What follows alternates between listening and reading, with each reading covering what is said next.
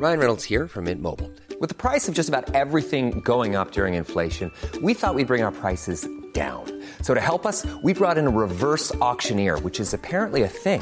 Mint Mobile unlimited premium wireless. Ready to get 30, 30, bit to get 30, bit to get 20, 20, 20, bit to get 20, 20, bit to get 15, 15, 15, 15 just 15 bucks a month. So, Give it a try at mintmobile.com slash switch. $45 upfront for three months plus taxes and fees. Promo for new customers for limited time. Unlimited more than 40 gigabytes per month. Slows. Full terms at mintmobile.com. Hiring for your small business? If you're not looking for professionals on LinkedIn, you're looking in the wrong place. That's like looking for your car keys in a fish tank. LinkedIn helps you hire professionals you can't find anywhere else, even those who aren't actively searching for a new job but might be open to the perfect role. In a given month, over 70% of LinkedIn users don't even visit other leading job sites. So start looking in the right place. With LinkedIn, you can hire professionals like a professional. Post your free job on linkedin.com slash people today. Millions of people have lost weight with personalized plans from Noom, like Evan, who can't stand salads and still lost 50 pounds. Salads, generally, for most people, are the easy button, right? For me, that wasn't an option. I never really was a salad guy. That's just not who I am. But Noom worked for me. Get your personalized plan today at Noom.com. Real Noom user compensated to provide their story.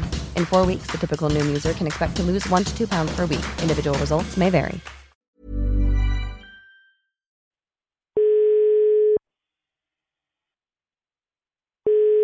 Anna-Karin.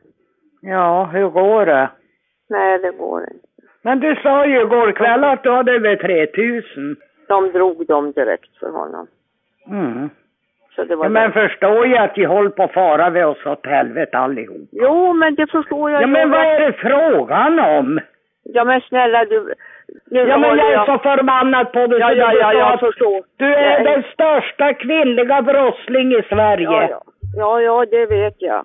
Och han är den största manliga. Ja, ge för För jävligt. att eh, det har... måste ju vara psykopater bägge Ja, ja, två. men du, vi slutar nu. Vi slutar nu. Vi slutar nu. Oj, oj, oj. Har du Ja. lagt på? Nej, det har jag inte. Ja, men gör det. Jag är så förbannad på dig så förstår att...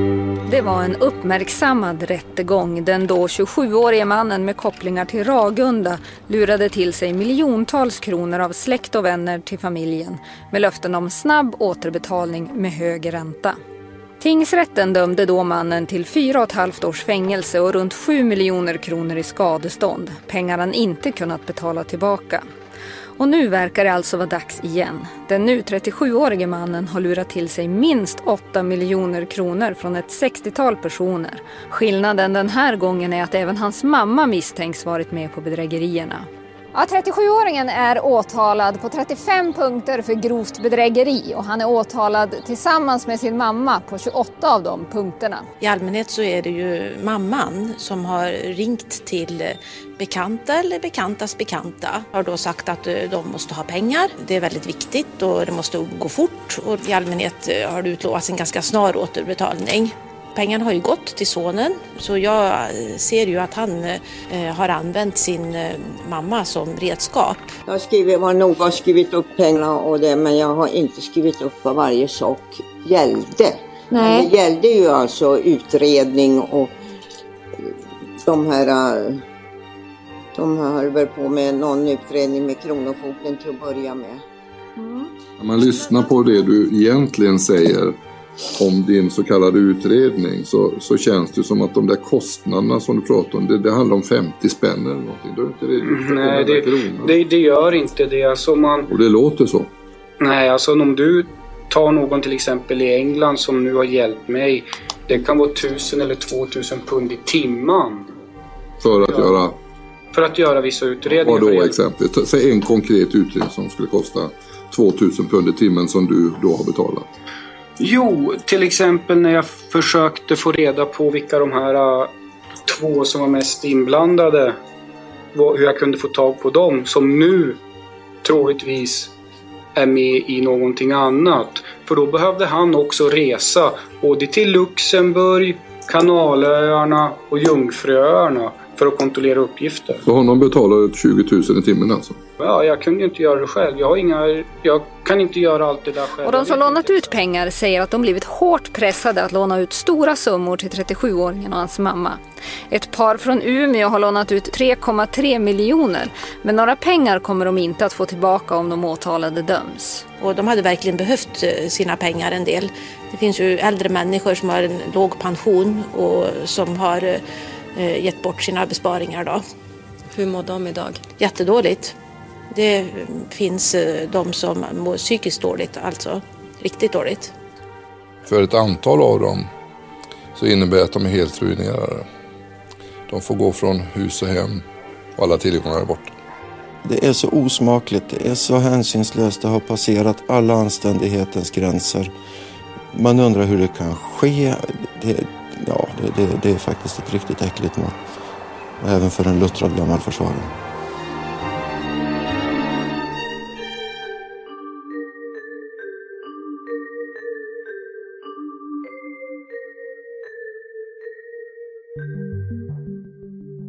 Det hela började alltså 2004 då Per Ulrik Hansson dömdes till fyra och ett halvt års fängelse för att ha lurat till sig pengar av släkt och vänner genom ett pyramidspelsliknande upplägg. När han avtjänat sitt straff började han direkt att på nytt försöka skaffa fram pengar, men denna gång genom nya offer och nu med motivet att han måste låna ihop pengar till en resningsansökan. Han hävdade nämligen att han blivit oskyldigt dömd i den tidigare rättegången. Han ringer dock inte själv upp sina nya offer, inte oftast i alla fall, utan ber istället sin 77-åriga mamma att göra det Mamman heter Anna-Karin Hansson och hon sätter genast igång och ringer runt till släktingar, vänner och till och med personer hon knappt har någon relation till. Detta kommer att pågå i över sju år och under den tiden lyckas Anna-Karin Hansson skrapa ihop upp mot 13 miljoner kronor som oavkortat går till sonen Per Ulrik. Antalet målsägande i denna rättegång stiger upp mot 60 stycken och vi kan inte lyssna på dem alla. Utan till det här första segmentet har jag valt ut fyra av dem, två äldre par som får vittna om hur det gick till när de lånade ut pengar till Anna-Karin och Per Ulrik. Det är nämligen så att de målsägandes versioner liknar varandra väldigt mycket, vilket ni själva kommer att märka lite senare. Namnen på de målsägande kommer framöver att vara censurerade och de gånger jag nämner dem är med fabricerade namn. Du lyssnar på Rättegångspodden om Fan och hans morsa, miljonbedragarna. Jag heter Nils Bergman och först ut hör vi Lena Henriksson jag var på en vallhundskurs Och på den här vallhundskursen där var Anna-Karin och hennes hund Tai. Och jag fick låna Tai och Anna-Karin gav mig goda råd. Och, ja, det var en väldigt trevlig kurs. Och jag blev bestämd för att nu skulle jag beställa en hund. Och då skulle jag beställa en hund från han som var kursledare. Och Anna-Karin hade också en hund från honom. Så att vi hade mycket att prata om, stamtavlor och allt sånt här. Och hon, ja. Du får bara ställa några frågor mm. här då. Mm. Eh, hur hade du uppfattat Anna-Karin Hansson då genom den här liksom inledande kontakten ja, ni hade? Ja, men glad och bra på alla vis. Alltså, jag Uppfattade du henne som hederlig? Och... Ja, det gjorde jag. Ja.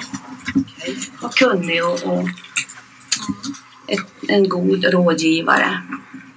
Men sen då i september 2007 då ringde Anna-Karin och ville låna pengar för att Per Ulrik höll på med en skuldsanering hos Kronofogden. Han hade börjat det där medan han satt i fängelse i Umeå. Man hade knappt fått tillstånd att fara och prata med den här kvinnan som jobbar på Kronofogdemyndigheten. Hon heter Eva. Om ett Andersson eller Andersén, det vet jag inte. Men hon höll på att hjälpa honom och det behövdes, första gången var det 18 000. Och vi pratades vid och vi bestämde oss för att hjälpa. Då skulle hon ju låna pengar. Det var ju 18 000 var frågan. Du hör maken Leif Henriksson.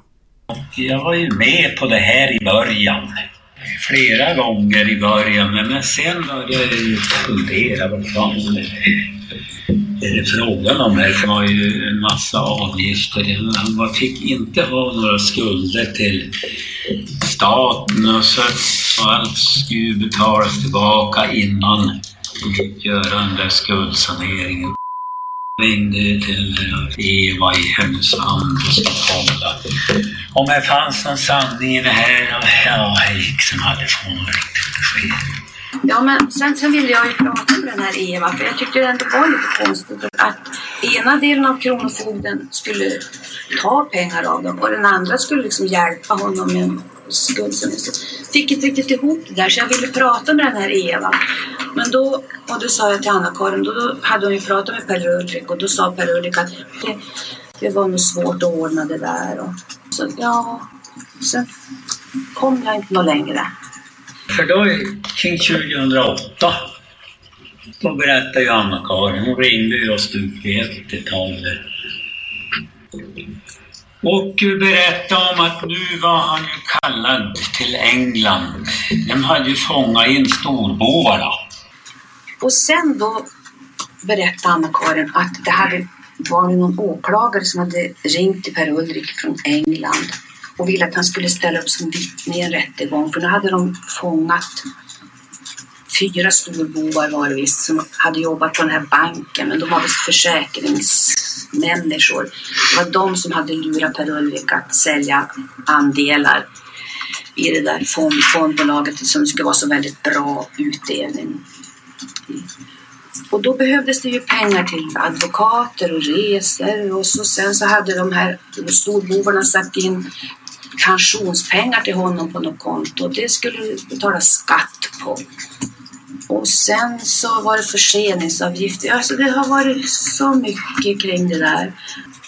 Och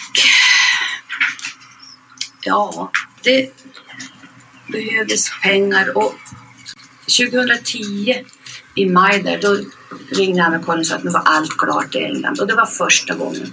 Sen har allt varit klart ja, hur många gånger som helst och att inte jag fattar då att det här är något fel med har ju försökt tala om för mig att det kan inte gå till så här. Men jag har ju litat på Anna-Karin och trott på henne.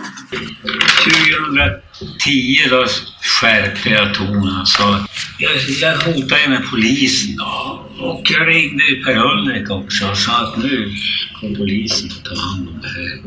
Ja, men då, som pengarna jag lånade ut då, de de eh, får jag en polisanmälan på mig då går ju allt åt helsike och det här skadestånden och alltihop det går.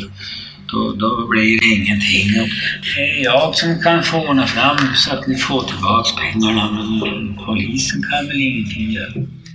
Anna-Karin sa att vi fick inte polisanmäla för det ska bli klart. Det har ju lovat hela tiden. Ja. Får inte förstöra det. Du hör nu paret Bengt och Ulla Svanberg. Jo, jag kommer ihåg hur det började. Du gör det? Japp. Ja, berätta det då. Det var i juni eller slutet av maj 10. De ville låna 2000 kronor. Och det var ju okej. Och då berättade hon ingenting vad som hade hänt. Men sen strax senare så ville hon, de låna 90, 90 000. Och då, då hon började berätta att han hade fått, eh, när han satt inne, har fått av en åklagare telefonsamtal att det ska bli resning då i, i England. När, när skulle ni få tillbaka de pengarna då?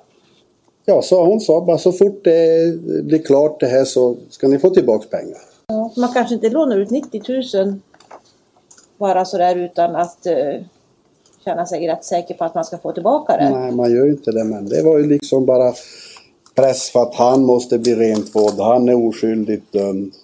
För förra rättegången, de har inte tagit upp allting och de har kastat bevis i slasken och allt sånt där. Det var det hon sa hela tiden. Ja. Nej, eftersom man kände man ville hjälpa till om man kan. Så att man, är man har ju blivit lärd så att man ska hjälpa varandra. Så är man Okej. uppfostrad. Och jag och frun vi pratade om det där och vi gick med på att låna då. De får låna 90 000. där. Ja. Det skulle bara vara en summa då, vilken det nu var den första, den 90 var det. Och så, och så skulle ju allting vara klart. Och sen kom det inga 90 000? Nej. Nej. Vad var det som hände då? Ja, att det behövdes mer. Ja, vad tänkte du då då? Ja, första gången så det är väl något, något lite mer då. Sen så var hon mer eh, direkt och pratade med mig och pressade mig då. Det måste ju göras färdigt menar hon. Annars så får hon ingenting tillbaka. Ju längre det gick, ju fler gånger hon ringde, det var ju mer än en gång hon hon ringde mig det och eh, så, så, så tyckte man det blev mer och mer hopplöst. Men sen fortsatte ju det. Ja, precis. Berätta om det då, hur det fortsatte. Då var jag på jobbet. Och då har hon varit som, ursäkta om jag svär, men så förbannat fräck så hon har varit till frun och tiggt pengar efter, av henne. Utan att jag vet om. Och pressat henne på pengar. Så när jag kom från jobbet då var frun alldeles totalt förstörd. Och jag har ringt till henne och frågat vad hon håller på med. Man kan inte bara göra så. Jo men vi ska få klart det här, vi ska få klart det här. Och så har det fortsatt. Och sen hade frugans 250 000 försvunnit. Då var jag tvungen att börja stoppa in det jag hade. Sen har ju mitt arv också gått. Varför, ja. varför skulle det vara så bråttom då? Ja, för att han måste betala då direkt. Ja. Annars skulle allt gå i stöpet. Det var sådana indirekta hot varje gång, liksom hela tiden, mer och mer. Man tycker då har man större chans att få tillbaks om man fortsätter. Det blir som ett spel va. Satsar jag mer så har jag större chans att få tillbaks. Ja. Att det blir klart. Ja. Hon har ju lovat hela tiden. Ja. Han har 2,4 miljoner på banken. Som han har på något sätt. Och sen alla dessa skador som han ska få. Ja. Och sen hade han pengar då från England, nästan 3 miljoner påstår ja. Och sen har han ju skrivit en bok, har han påstått. Och sen det bästa av allt, sen hade han ju när han satt i fängelse skrivit en bok. Du hör paret Henrikssons igen. Som skulle bli utgiven av samma bokförlag som hade gett ut Harry Potter. Det lät ju för bra för att vara sant. Det brukar ju vara så, men det tänker jag nu när jag har liksom landat och fått tillbaka mina sinnen. Och den skulle han ju få 6 miljoner för. Och det var ju också mycket pengar som skulle komma då från Dubai. För där hade de sitt kontor. Ja, i alla fall så då var det ju den där boken och det var ju någonting parallellt. Någon slags lockbete. Han hade skrivit en bok då i fängelset. Så det var ju något stort och det skulle göras klart det här rättegångarna i England innan man kunde... Annars skulle Kronofogden ta alla pengar. Men det var ju mycket på gång. Hon vart ju mer och mer duperad och jag förbjöd henne att skicka mer pengar. Och det var i samma veva som Per Ulrik skulle fara till Turkiet. Bokförlaget hade ju bjudit honom då på en resa men han var tvungen att betala resan själv. Och då hade jag inga pengar så jag övertalade mina föräldrar att betala den där resan när han skulle till Turkiet på skrivarkurs. Och de fick ju vykort ifrån honom där också. Han tackade så mycket för hjälpen och det gick så bra på kursen. Och... Skulle du betala det? Ja, varför skulle jag det? Jag, jag vet inte. Jag ville hjälpa. Och så länge det gick väl att inte Anna-Karin fick tag på honom, då, gick, då var det lugnt. Men så länge, då fick hon ju tag på honom någon gång när hon hade mobilen och väntade på något samtal. Och då fick ju Anna-Karin tag på min stackars fru. Och då vart hon fast i denna jävla cirkus igen. Och jag visste ingenting, utan först när vi skulle deklarera då såg jag att nu var det tomt. Och jag, hon hade ju fan en miljon i fonderna och pengar. Och det var ju rensat. Man kan se där om man tittar i kontoutdraget hur du lärde på bra med pengar. Och då hade du slut på dina egna pengar eller? Ja, det hade jag säkert. Ja, men visst. Hur fick du pengar då? Då får jag ju på pantbanken och sen lånar jag ut av föräldrarna och jag lånar ut av kompisar och barn. Och... Ja. Jag nekade ju när Anna-Karin ringde och sa att det här är ju bara sagor. Och när hon ringde då, då sa jag, vad har han hittat på idag då? Han hittar inte på någonting utan det här är seriöst allting. Och nu snart kommer pengarna. Vilket konto, vilken bank ska vi skicka pengarna för nu ska det in. Nu kommer miljonerna inramlande här och jag måste ju veta vart jag ska skicka pengarna när de kommer. Ja. Hon mådde ju sämre och sämre. Det två stunder hon sov så skrek och hade mardrömmar. Jag måste få igen pengarna och sen låg hon och grät på nätterna. Hjärtklappning och stress och jag skakade hela, alltså hela kroppen. Jag ville inte höra ifrån henne. Det kom också något sånt här att det är en liten sak jag vill fråga dig om. Vi ger upp, jag orkar inte längre. Och hade jag då någon peng kvar så tänkte jag, jag undrar hur mycket hon behöver nu då. Och så kunde jag ringa och så. Ja, det kommer just ett sånt sms sen där den 7 oktober. Jag orkar inte längre.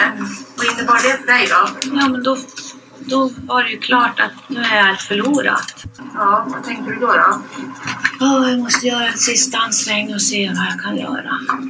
Allt skulle vara förlorat. Nu har Per-Ulrik, nu är det kris. Nu har han tagit på sig finkostymen. Nu går han och får hoppa framför tåget. Hon har till och med sagt att hon tar livet av sig själv. Okej. Ja. Det där- Bara för jag- att utnyttja hans samvete. Ja. ja, kändes det så? Ja, visst. Man tänker ju så här att men herregud om jag kan rädda han så tar han ju inte livet av sig. Annars får man ju det på sitt samvete. Oj, jag Ja. kunde inte komma med några pengar. Nu tog han livet av sig. Ja. Det är så man fungerar.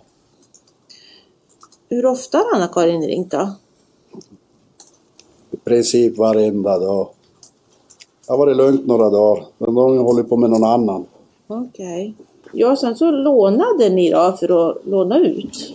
Ja, ja det var ju samma där chansen och för att kunna få tillbaka. Man måste så att det blir klart. Och då blev det bank först och sen blev det höja lånet. Och... Jag lånade på huset, Swedbank, bra mycket över 100 000. Jag bytte bank, jag får låna på Handelsbanken. Fått låna på 7 Day, fick låna 30 000. Och just nu har vi tagit lån på 110 000 på Vasakredit för att lösa de här sms-lånen. Men då vart det ju då riktigt jäkligt i höst, ja i fjol höst alltså. Och nu har jag helt ställt på sidan för att för då började det komma något jävla brev från något sån här kreditupplysningsföretag och från Svea Finans och jag tänkte vad men jag brukar inte öppna hennes brev, men då gjorde jag. Ja, då var det ju sms-lån på 50 000 och 40 000 och ja, flera gånger 40 000. Ja, det var ju i höstas här då när jag liksom hade tappat tron och fått hopp och tappat tron och fått hopp. Alltså förlorat sömnen, jag sov ingenting och allt var ja, kaos i mig. Och jag, jag hade lovat att inte skicka någon mer pengar och jag kände mig så usel och dålig.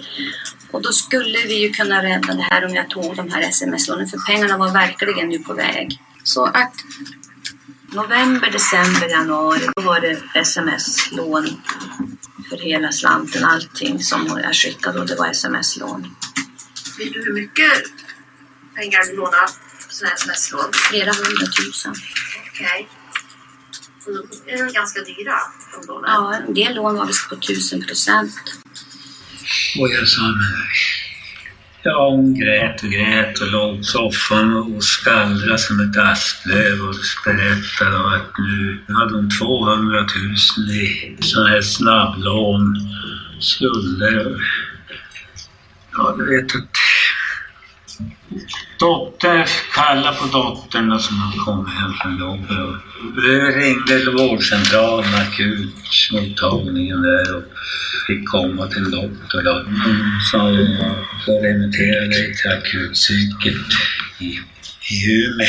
Jag gick fort. Och han sa ju direkt, du lurad, du är hjärntvättad.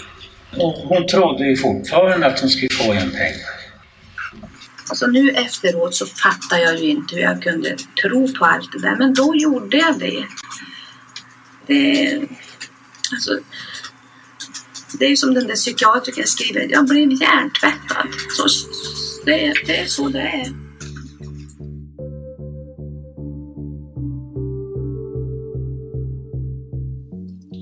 Mm. Du, vad har det här inneburit då? Om du berättar vad- hur det har inneburit för dig, hur du tänker. Pressat och hopplöst. Nej, det har ju varit tufft varje månad och man har ju fått kolla extra på räkningarna varje månad. Ja, hon tog ju alla pengar även från pension och allting. En månad så levde jag bara på fisk. Som jag fiskade i sjön. Man gick ner i vikt. Man är ju ganska glad när man går ner i vikt. så tänker man att hur kan man inte vara riktigt normalt? Det måste vara fel. Jag började tro att jag hade cancer i magen och jag hade mycket ont i magen. Men så själv medicinerade jag mig med sådana här Omeprazol. Och då Ja, alltså, I de där första läkarkontakterna så berättade ju aldrig hur hemskt det var kring det här med lånen som jag gav. Ja, jag vart ju mager och ben och ja, som om musklerna försvann. Och ångest och det här. Men det, jag vart ju... Jag darrade och vart ju svag när jag skulle lyfta konstgödselsäcken som var väg 30 kilo nu för tiden. Potatisen. Nej, jag kände att jag... Leif och Lena Henriksson lånade totalt ut 3,3 miljoner till Anna-Karin och Per Ulrik. Stor del av det beloppet var pengar de inte hade, utan som de i sin tur lånat sig till och som nu kvarstår som skulder. Paret Svanberg kom något lindrigare undan och lånade sammanlagt ut en miljon kronor. Men dessa två par är ju då långt ifrån de enda som lånat ut stora summor till Anna-Karin och Per Ulrik. Hon har ju talets gåva denna kvinna. Hon ringde upp då och då behövde hon ju låna och började ju tala om snyfthistorien om Per Ulrik. Per Ulrik hade, han hade ju suttit eh, på falskt, falska grunder, alltså oskyldigt dömd om man säger så. Ja, det skulle betalas tillbaka då när det var klart det här då. Han har fått skadestånd och allting. Det är väl att man varit kompisar om man vill hjälpa till då. Man tror ju inte att de tänker lura en när man är, har varit goda vänner så länge. Och det var ju inte så stor summa, det var om 4-5 tusen de ville låna då. Det skulle ju betalas tillbaka och det skulle ju vara guld och gröna skogar därutöver i ränta och bonus och allt. Så att om jag kunde sätta in 10 000 till så skulle hon skicka tillbaka det andra på kvällen via datorn. Okej. Så det var 20 000 då. Och det skulle ta max 14 dagar innan vi skulle få tillbaka de här pengarna. Och vi bestämde oss att ja, vi lånar ut de här i två veckor. Och det var 20 000. Sen har det rullat på. Och jag trodde naturligtvis på, på det här. Och sen lånade peng, lånade bort eh, två gånger till. Ja. Ja, och sen ville hon ju låna ändå mer. Alltså den frustrationen i telefonsamtalen och den desperatheten gjorde så att det gick till slut inte att säga nej. Och jag sa, jag har ju inga pengar egentligen men jag vet att vi litar så mycket på dem så att jag hade 21 000 på, längst ner på checkkrediten. Det var det vi hade kvar. Så att de fick låna 19 000, det var alltså 2 000 kvar på krediten. Var jag väl också inne på att vi skulle försöka lägga ihop så att vi skulle få tillbaka någonting. För att det var ju ständigt hot om att gör man inte det så förlorar man alltihop. Kan inte jag låna ut en 500 eller en tusenlapp och så mister alla sina pengar? Gjorde man inte så, ja då gick alla, alla som hon har lånat pengar av skulle bli utan. För då, då, kunde, då, då, då rasade allt.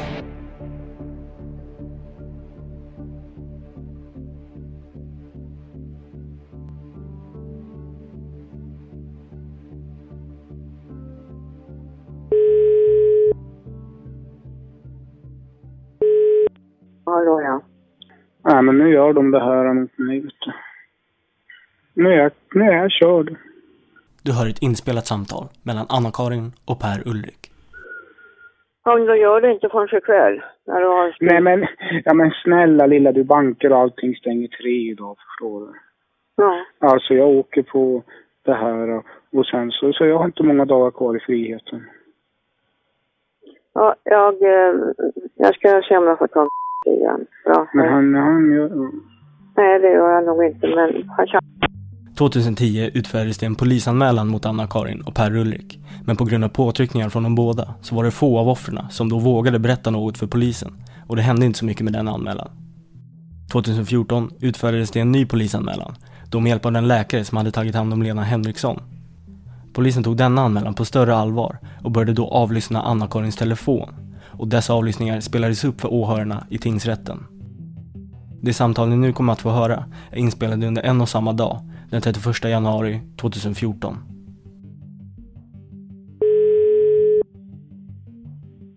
Hallå ja. Nu måste jag in någonting för att nu ringer de och liksom det är långt efter lunch och allting sånt här. Och nu, ring, nu, nu måste jag in någonting. Ja, nej jag måste få tag i Och jag menar, är det någon idé att sätta in tusen kronor om vi inte får tag i någon mera? Nej, tusen kronor är inget idé. Nej. Utan, utan man, alltså advokaten säger att jag måste ha allt, men det går ju att försöka på 50 procent. Men, men alltså det är ingen idé att försöka på något mindre än 50 procent. Nej, nej, det förstår jag. Den här bufferten sen då? Men, jag blir ju polisanmäld. Allting i mitt namn, då kommer ju utredas. Det är ingen som vågar göra någonting om jag blir polisanmäld heller. Förstår du inte det? Nej, nej, så advokaten kan inte plocka ut den där bufferten? Nej, men han kan inte göra någonting. Alltså blir jag polisanmäld i mitt namn, Mm. då kommer allting i mitt att utredas. Alltså förstår Ja, du inte? Ja, ja, ja, ja, jag förstår. Det är bra. Jag ska ringa om fem, tio minuter igen till. Bra. Nej.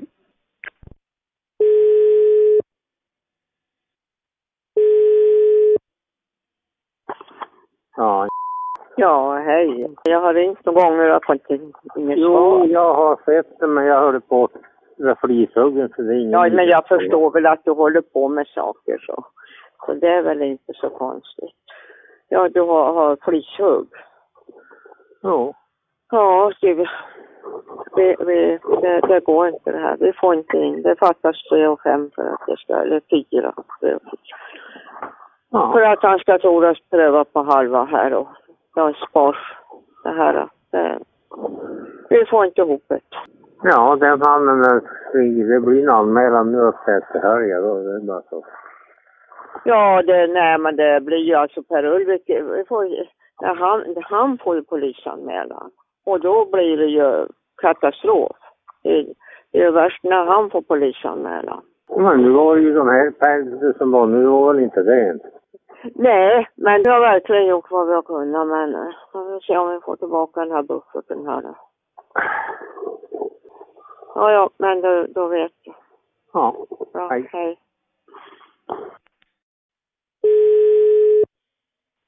Ja, hallå ja. Ja. Ja, nej, det är ingen idé att prata med Nej, det är nog så här. Ja, att allting ska komma så jädrans precis jämt. Ja, men det är ju så. Finns det en chans att du kan klara det på hälften? Jo, men då måste ni hålla på och kämpa sen under hela helgen här och då får ni göra det. Och då måste det, och, och, kommer inte det Men du får fram... ju åka till, du får ju åka, du får ju fråga runt och försöka få tag på möjligt. Du har ju två dagar då, i lördag, söndag får du då hålla på. Men då hinner jag ju få en anmälan. Ja, men vi hörs, hej. Anna-Karin? Ja, här. Ja, hej. Ja, nej. Du kommer ihåg det Cash to you jag sökte också igår. Ja. Nu kom Ja. det svar. Får inte låna. Nej. Nej, Ja. det stopp överallt. Ja, jag får stoppa överallt. Ja. Hörru du, eh, håller på nu här nu, han kanske, och att han kan ta hälften och Per-Ulli kan göra det. Jag, må, jag skulle ha tagit honom nu igen och han, han ringer igen. Men vad hjälper det hälften? Ska du in resten sen? Ja, det beror på om de hinner betala ut pengarna och det går att betala det när pengarna kommer. Mm. Ja, vi kanske måste försöka få någonting, någonting eh, eh, på, till på måndag. Och att eh, muta dem med och dra fram det till pengarna kommer, att banken betalar ut. Han vet inte hur det går riktigt. Men vi, han- ska i alla fall kolla upp om han har hälften. Och hans advokat är inte där och förhandlar med. Han, han är så nervös. Det är han som är så nervös för det här att han har betalt in och det är för det här med och det här att de håller på med utredningen. Mm. Förstår du? Det är det de är så nervösa för. Och Per-Ulrik han nu bara, han ska upp och mörda Mm. Jag vet inte. Men eh, jag, ska, jag, jag måste få tag i honom. Bra. Ja, hej. Vi hörs. Jag ringer sen. Hej. Ja, hej. Hallå ja. Ja, alltså tiden går nu. Jag har Ja, ja. tid på jag kan ju inte ringa på pang direkt. Eh, vad sa Ja, han ja, då? men Jag- sätt och vänta. Men... Nej, nej. nej. Nej, jag skit, jag, hej, Nej, jag men inte. sa han att han kunde en? Hallå ja. Ja. Ja, nu, nu har jag tagit det svåraste beslutet. Jag var tvungen. Utan dem, nu blir det polisanmälan här i eftermiddag. Förstår du? Så det är bara så. Det är bara att acceptera. Det går inte att prata med honom. Nej, nej, nej, nej. Men jag kunde få ringa och pröva att prata med en av killarna. Är du... Helvete heller! Ja, men vad, vad, vad, det, det kan... Därför! Det kan, Därför! vadå? Jag säger bara nej! Det kan ju inte ändra någonting. Jo! Ja. Så, så nu ska... Håll käften! Ja. Nu är det så här att du och alla andra runt omkring har sett till tillräckligt för mig. Jag tänker inte låta dig ringa nu, förstår du? Ja, ja, det kan ju, det kan, ska de anmäla så kan Men kan ändra- du sluta? Ja, ja, ja. Varför ska du ha mig att skrika för? Ja, ja, ja. Du ger dig ju för fan inte förrän jag börjar skrika. Nej, nej, du bör, börjar skrika med en Jo, gång. men det ska räcka för mig att säga nej en gång. Ja, ja, ja. Men jag har i alla fall, jag hade tyckt det. Men, Ja, men då får du tycka det. Någon mera kunde prata mer om än du. Jo men, jo, men det är så... Alltså du, det har ju Ja, försökt, alltså jag har ju försökt Ja, ja, med ja, allting. ja, ja, ja, ja, ja, ja. För de ser det bara som att jag i ett sista försök har bett någon ringa bara för att få dem att ändra sig. Men de kommer inte att ändra sig. Ja, ja. Ja, ja, det är inget mer att göra. Har du pratat med igen?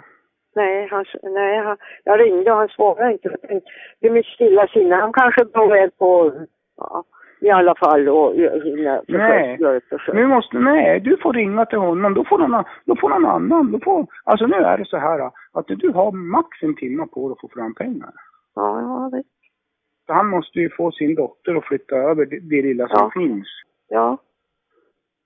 Men du sitter bara och väntar ut. Det är därför... Nej, det gör jag inte. Men jag kan Hade inte... du nu, jag har ringt till hela tiden. Hade du ringt lite tidigare till honom så kanske han hade hunnit. Ja, men jag har ringt flera gånger till honom. Nej, du har ju suttit och sagt att jag ska vänta tio minuter, en kvart. Ja, emellan samtalen, ja. Ja, hade du väntat bara fem minuter här nu på slutet, då kanske han hade hunnit till Bredvid. Ja, ja. Nej. Men nu sa han bara det att han hinner inte. Jaha. Ja. Ja, då ringer jag nu och avslutar det här. Ja, ja, ja. Jag ska ringa nu. Men gör något nu för helvete! Ja, men jag sitter ju i telefon. Kan du lägga på då?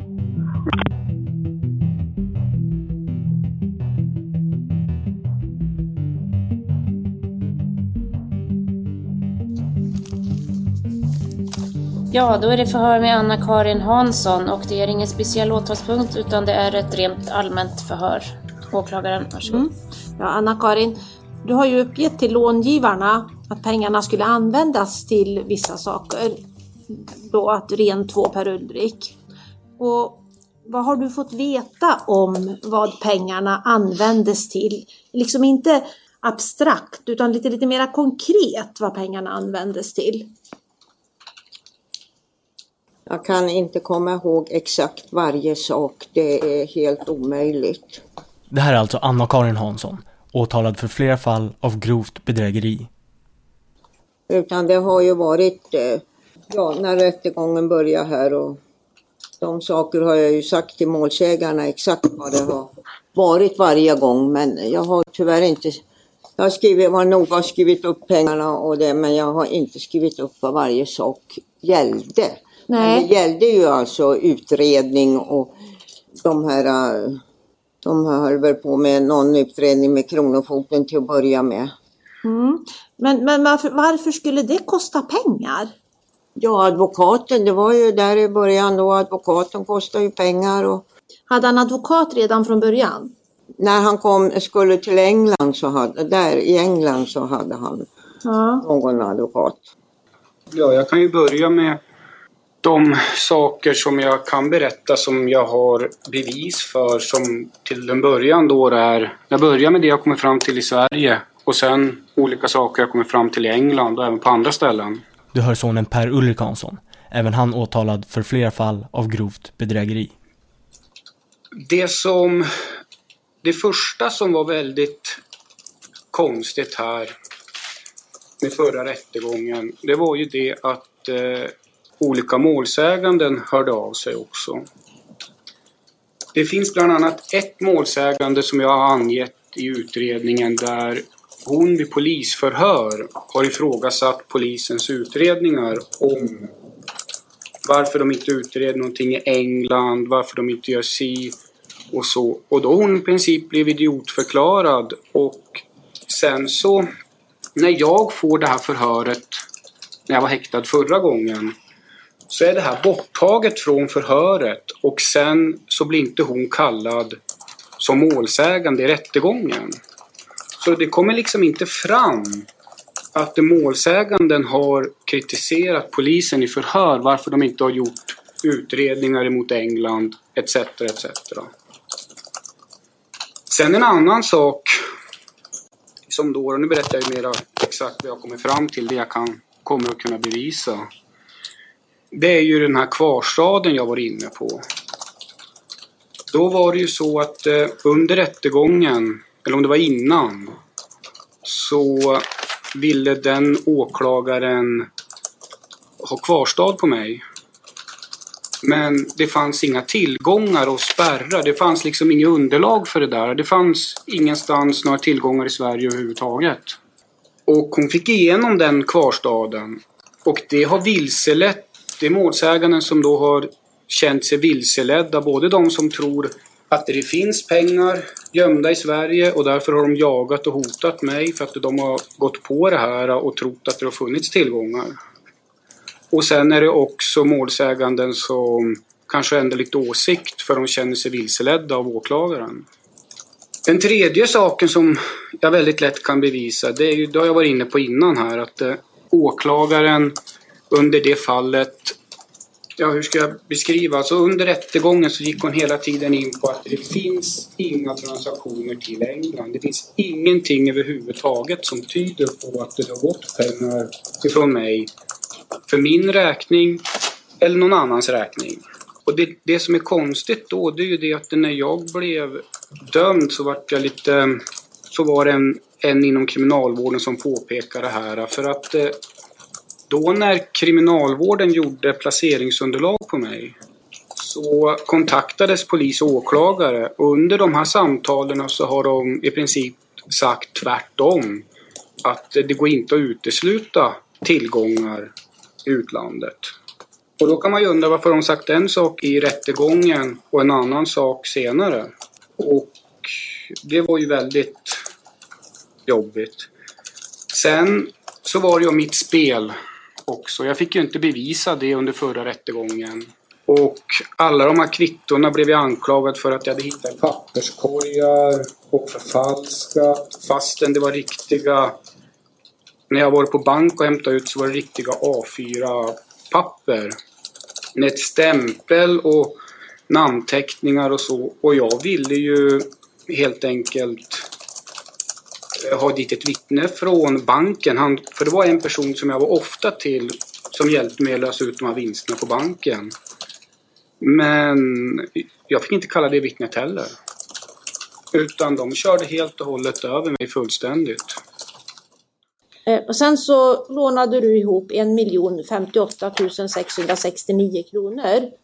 Och det här som du sa att det skulle gå till Kronofogden, det var 235 495 kronor. Utöver det så fick han 709 174 kronor av dig.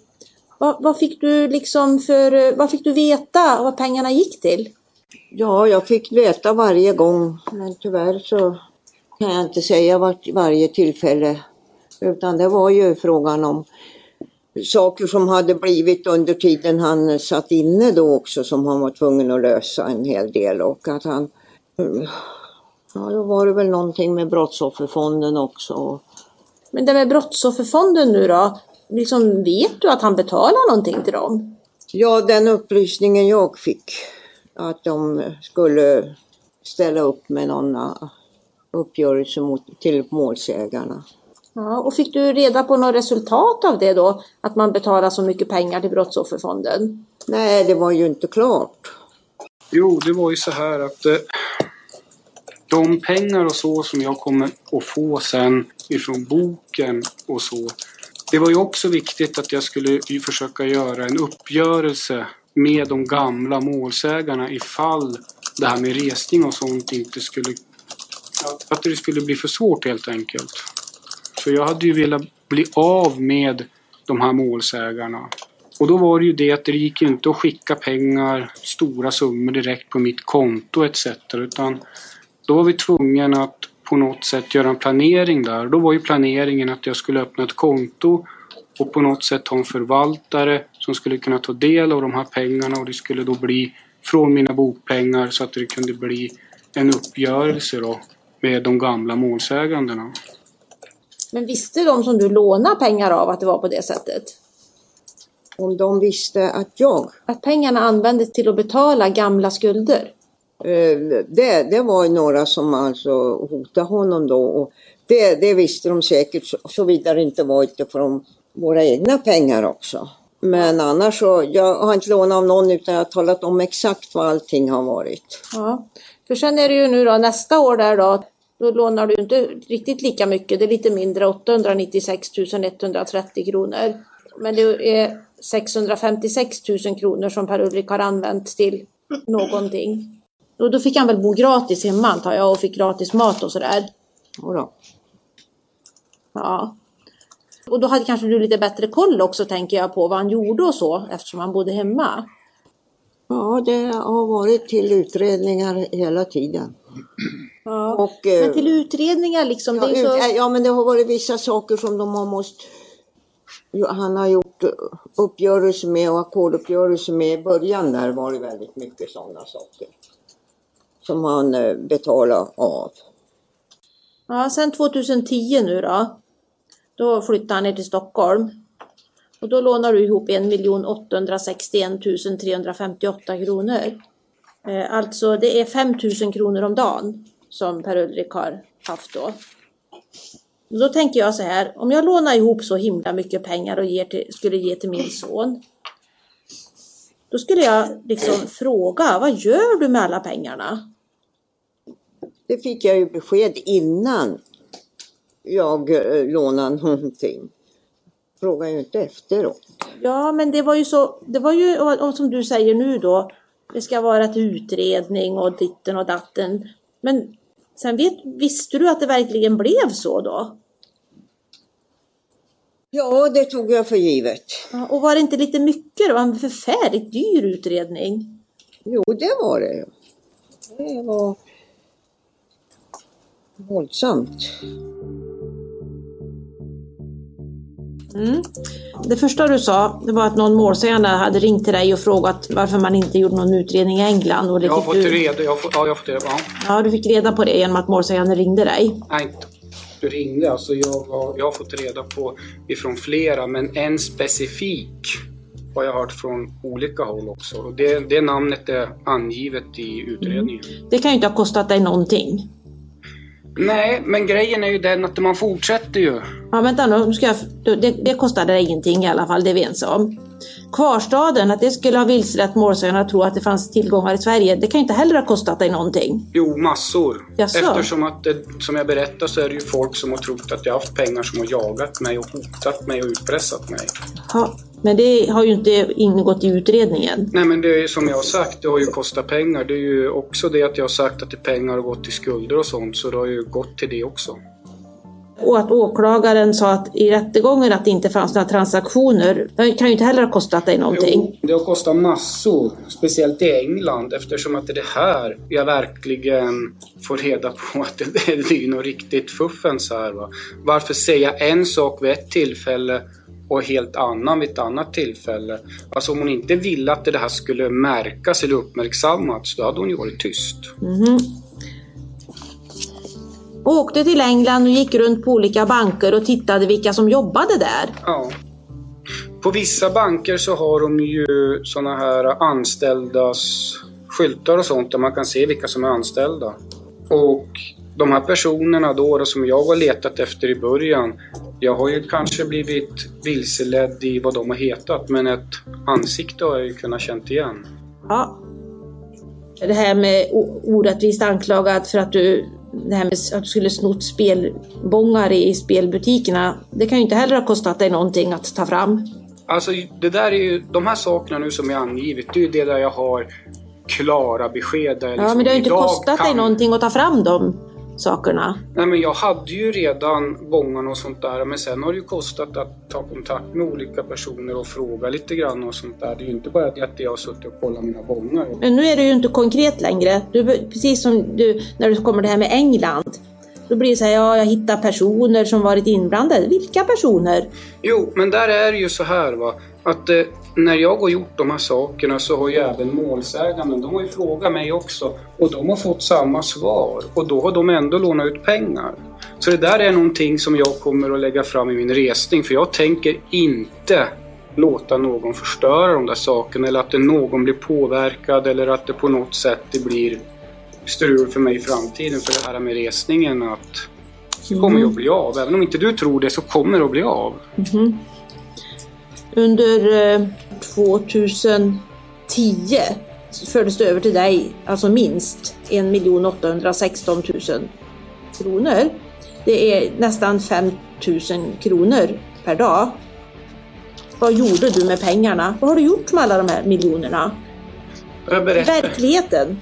Det har jag berättat för i förhör att eh, jag har gjort utredning och betalat för det. Jaha, men det har vi ju inte kommit fram till en enda konkret kostnad för. Det, har jag, ja, men alltså, det kommer att visa sig sen i resningen. Ja, men jag vill veta nu. det har ingen betydelse. Jag bryr mig inte om din resning. Det Jag vill förstår veta nu. Vad har du gjort av pengarna? Ja, men det här har ju med min resning att göra va? och jag tänker inte gå in på exakta detaljer på det. Och det, så har det varit också under själva tidens gång och det har även målsägarna varit medvetna om.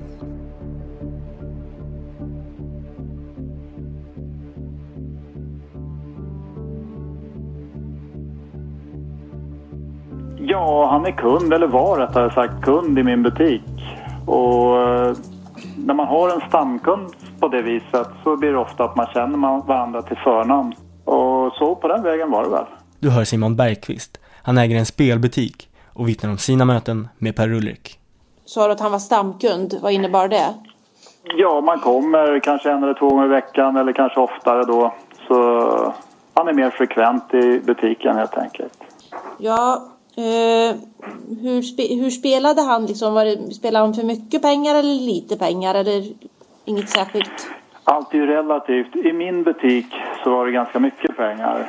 Eh, till början med var det inte så mycket men sen var det väl mer och, och mer och ibland var det inte så mycket. Och, ja, det var väl olika men allt från 1000 kronor upp till 15 000, 60 000 kanske någon dag och så 15 000 igen. Men det, det varierade så. Ja. Mm. ja. Kommer du ihåg hur han betalade? Eh, ja, nästan alltid kontant om jag minns rätt där. Okej. Mm. Ja, eh, vann han mycket? Han vann en del faktiskt, men inte, inte varje gång givetvis. Men en del hämtade han ut stora vinster, ja. Ja. Vad gjorde han med de vinsterna då? Eh, ofta åter de in igen. Eh, vann han mycket så spelades det också för mycket. Det var min uppfattning. Så. Ja. Ja, vad kunde det vara för, för belopp då som det spelades för då om han hade vunnit? Eh, ja, låt oss säga att han vann kanske för 70-80 000 och då spelade han för det också. Ja. Om han vann stort så då spelade han upp det han vann. De, ja, de gångerna han vann mycket så spelade han också för mycket. Så var den uppfattningen jag fick i alla fall. Okej. Ja. Ja, jag- det var, det var, jag frågade, men för att polisen hade frågat dig om han kunde spela utan att förlora. Mm. Ja, ja. Du frågar mig om man, om man kunde ha ett system som man kunde spela utan att förlora. Ja, de hade frågat det polisen. Jag vet inte om du kommer ihåg vad du svarade. Ja, nej jag kommer inte ihåg exakt. Men jag, min uppfattning är väl den att det, det är väldigt svårt att ha ett system där du inte förlorar. Alltså du kan ju ha tur och du kan sätta dig in och läsa. Men det, det är nog väldigt svårt att ha ett system där du inte förlorar. Det går ju ut på det så att säga. Oddset, ja, jag vet inte om ni är insatta i hur, vad det finns för olika spelsystem eller spelformer. Nej, du behöver inte redogöra för allting. Nej, men det, det, det är nog svårt. Det kanske finns de som gör det, men jag tror att det är svårt. Ja, okej. Ja. det är inga fler frågor. Sen kan jag ju undra varför du säger till din mamma att du inte spelar när du gör det. Alltså det har ju varit vid olika vad heter det, tidpunkter. Jag har ju liksom inte haft tid att spela hela tiden för att kunna bevisa det här systemet utan det har ju varit vid olika tider och sen som ni kommer att märka då den andra så är det här spelet det är väldigt det är mycket disciplin och väldigt långsiktigt. Det är inte så att man går in och spelar en dag och hoppas att man har vunnit och kan gå och hämta ut vinst nästa dag. Utan mitt system bygger på väldigt långsiktighet. Så att, men det där kommer att visa sig sen när jag förklarar det. Så kommer alla att förstå hur det är upplagt och kommer att förstå att det är väldigt tidskrävande. Mm. Ja, det, spelar, att, eh, det visste jag ingenting om att han spelade den här sista. Jag visste ju att han hade spelat förut och att han hade systemet. Jag hade ju alla kvittorna hemma. Ja, för att 2007 då var det ju 148 544 kronor som gick till Kronofogden som du trodde då. Fast de gick ju till spelbutikerna. Jo, det var det väl. Ja, Eh, de... Så jag uppfattar alltihopa i alla fall och eh, det, jag fick ordentlig förklaring på allt så att det hängde ihop och han hade väl sina förklaringar för mig för att det skulle hänga ihop. Och de hängde ju ihop. Och Det är klart, hade jag vetat att det var ett hotell han betalade då hade det ju inte, det hade ju inte fungerat. Nej, eller att rättegången inte fanns. Nej, själva den rättegången, men eh, tydligen så har han väl hållit på med något i alla fall. Men eh, det, han gjorde väl sin beskrivning så att jag skulle fatta. Imagine the softest sheets you've ever felt. Now imagine them getting even softer over time. That's what you'll feel with Bowl and Branch's organic cotton sheets. In a recent customer survey, 96% replied that Bowl and Branch sheets get softer with every wash. Start getting your best night's sleep in these sheets that get softer and softer for years to come. Try their sheets with a 30-night guarantee. Plus, get 15% off your first order at bowlandbranch.com. Code BUTTERY. Exclusions apply. See site for details. Hey, I'm Ryan Reynolds. Recently, I asked Mint Mobile's legal team if big wireless companies are allowed to raise prices due to inflation. They said yes. And then when I asked if raising prices technically violates those onerous two year contracts, they said, What the f are you talking about, you insane Hollywood ass? F- So to recap, we're cutting the price of Mint Unlimited from $30 a month to just $15 a month. Give it a try at mintmobile.com slash switch. $45 upfront for three months plus taxes and fees. Promo for new customers for limited time. Unlimited more than 40 gigabytes per month. Slows. Full terms at mintmobile.com. Ready to pop the question? The jewelers at BlueNile.com have got sparkle down to a science with beautiful lab grown diamonds worthy of your most brilliant moments. Their lab grown diamonds are independently graded and guaranteed identical to natural diamonds, and they're ready to ship to your door. Go to BlueNile.com and use promo code LISTEN to get $50 off your purchase of $500 or more. That's code LISTEN at BlueNile.com for $50 off. BlueNile.com code LISTEN. Mm. Ja, någon rättegång fanns ju inte. Nej, tydligen inte. Och då har du sagt där att ja, det har ju inte varit någon rättegång. Nej. Eh, men eh, att eh, du vidhöll det sen i alla fall. För att du hade sagt det en gång och sen kunde du inte ändra Alltså, det menar du? Nej, men det var inte så. Va? Utan det blev ju när jag började och liksom utreda väldigt mycket så vill inte jag tala om exakt vad det var jag höll på med. Jag var rädd att folk skulle prata för mycket. Jag var rädd att eh, de jag pratade med kanske skulle ändra sin åsikt med tidens gång. Jag... Eh, under den här tiden då, då så vart det så att vid något tillfälle så sa jag att det, den här, att det var rättegång på gång etc. etc.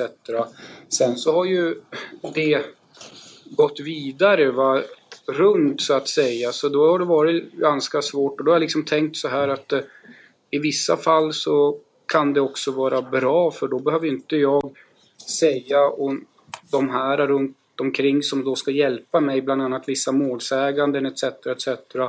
Då behöver inte de känna någon press om det kommer ut att jag pratar med dem. Ja.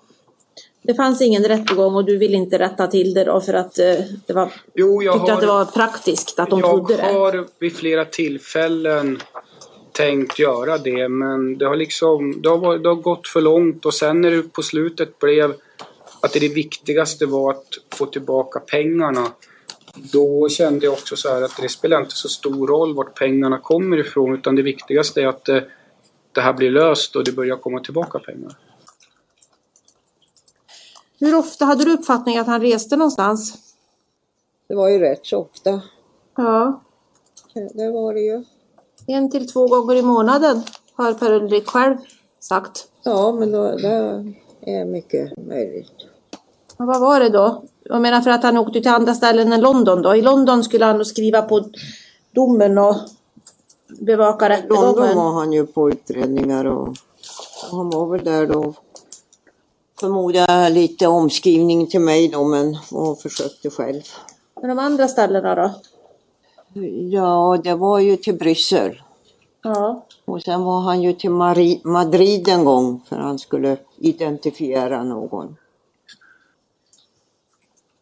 Okej. Ja, varför skulle han åka till Berlin?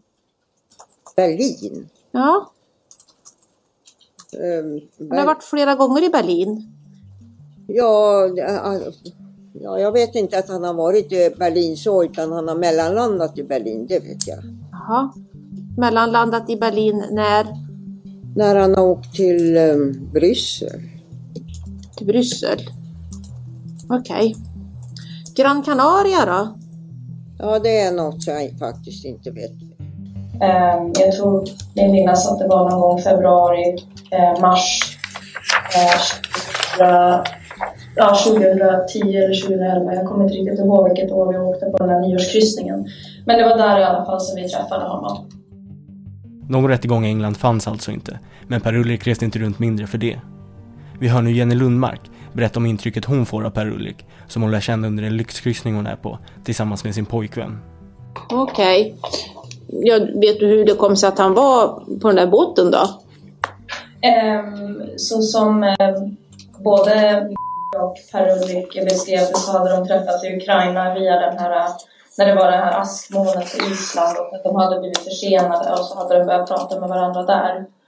Ehm, så det var så det gick till. Okej. Och det askmolnet var 2010? Ja, okej. Mm.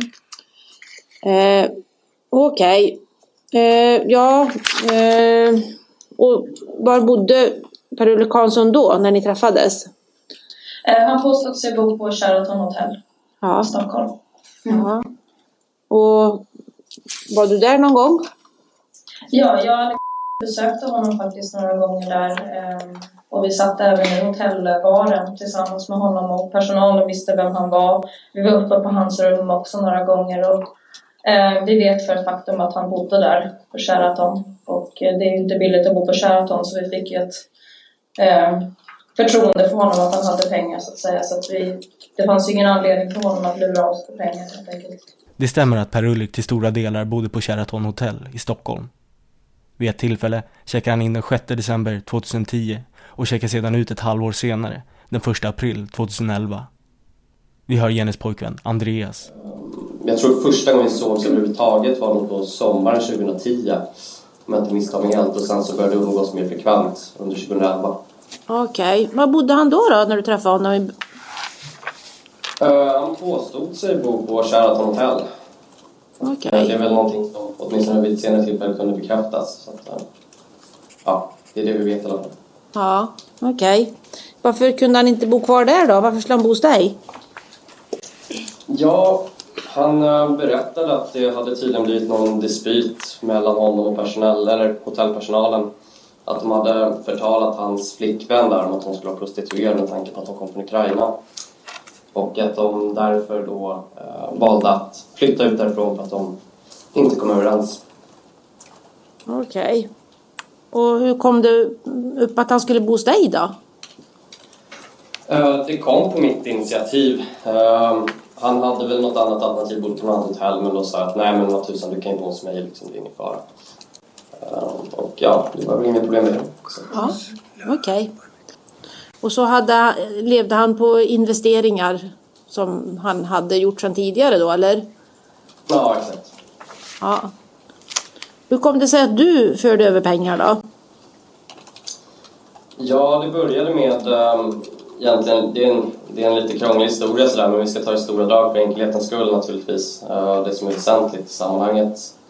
Det började med lite små summor bara sådär att man skulle kunna sätta in då via honom, sen vidare till hans bankkontakt som skulle kunna förvalta pengarna och sen generera en avkastning. Och sen så skulle man då få, få tillbaka allting inom en viss tid då. Antingen så kunde man få någon form av premie där det kom löpande inbetalningar alternativt så var det då klumpsummor som betalades. och sen så var det så att under den här löptiden som kom eh, ja, de här påstådda dealarna eh, eh, till att... Kanske började Per Ulrik tycka att det var för dyrt att bo på lyxhotell varje dag. Och kanske var det därför han accepterade Andreas erbjudande att istället bo hos honom, vilket han gör under en tid. Han tackar sedan Andreas för gästvänligheten genom att lura honom på 150 000 kronor innan han försvinner iväg på nya äventyr.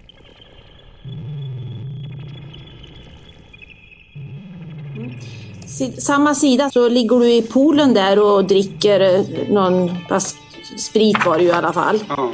Ja. Och det kostar ju pengar.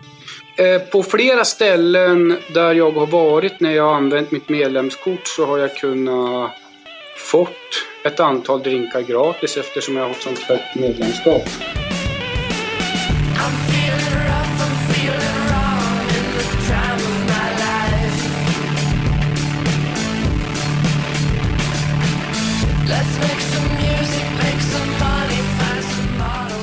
Jag såg ingen anledning att inte tro på honom med tanke på att han hade, ja, high, levade high life. Hur visste du det då, att han levde high life?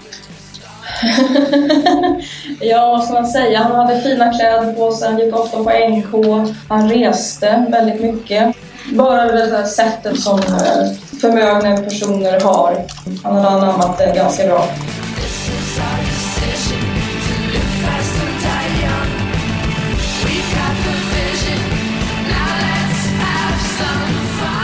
Man tittar i din telefon så är det ju väldigt mycket sökningar på London Escort. Varför skulle du hålla på och söka på dem då? Ja, det är ju... Jag har lärt mig känna på olika sätt i England tjejer som säljer sex. En tjej som har hamnat, råkat illa ut på grund av det här. På olika sätt. Och vid flera tillfällen så har jag velat kontrollera om de fortfarande är i den branschen och då kan man ju kontrollera att eh, de flesta av de här sökningarna är ju gjord när jag befinner mig i Stockholm.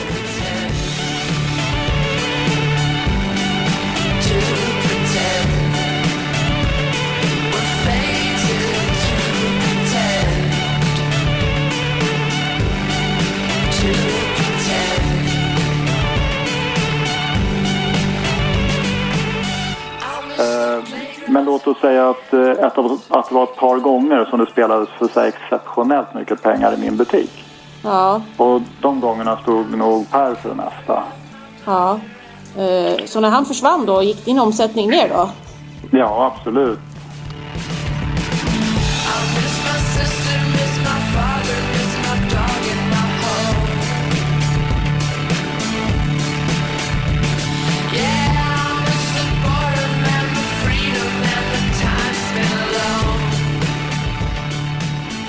Han bodde väl på Östermalm om jag förstod det rätt.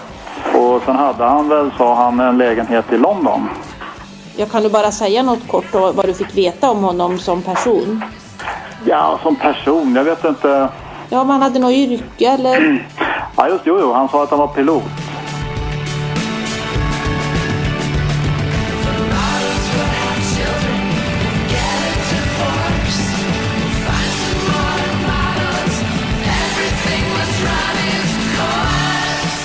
Ja, vi, när vi träffades så berättade han att han var pilot, men att han eh, hade fått tjänstledigt för att han höll på att skriva en bok då. Eh, man, man märkte ändå på på sättet han levde och så, att det, det fanns ju definitivt pengar där.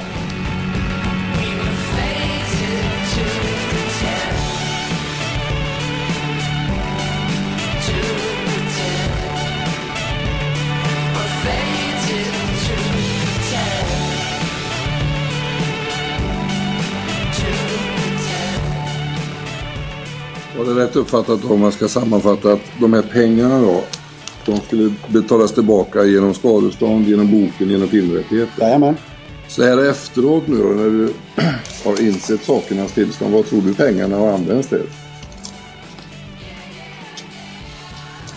Lyxliv.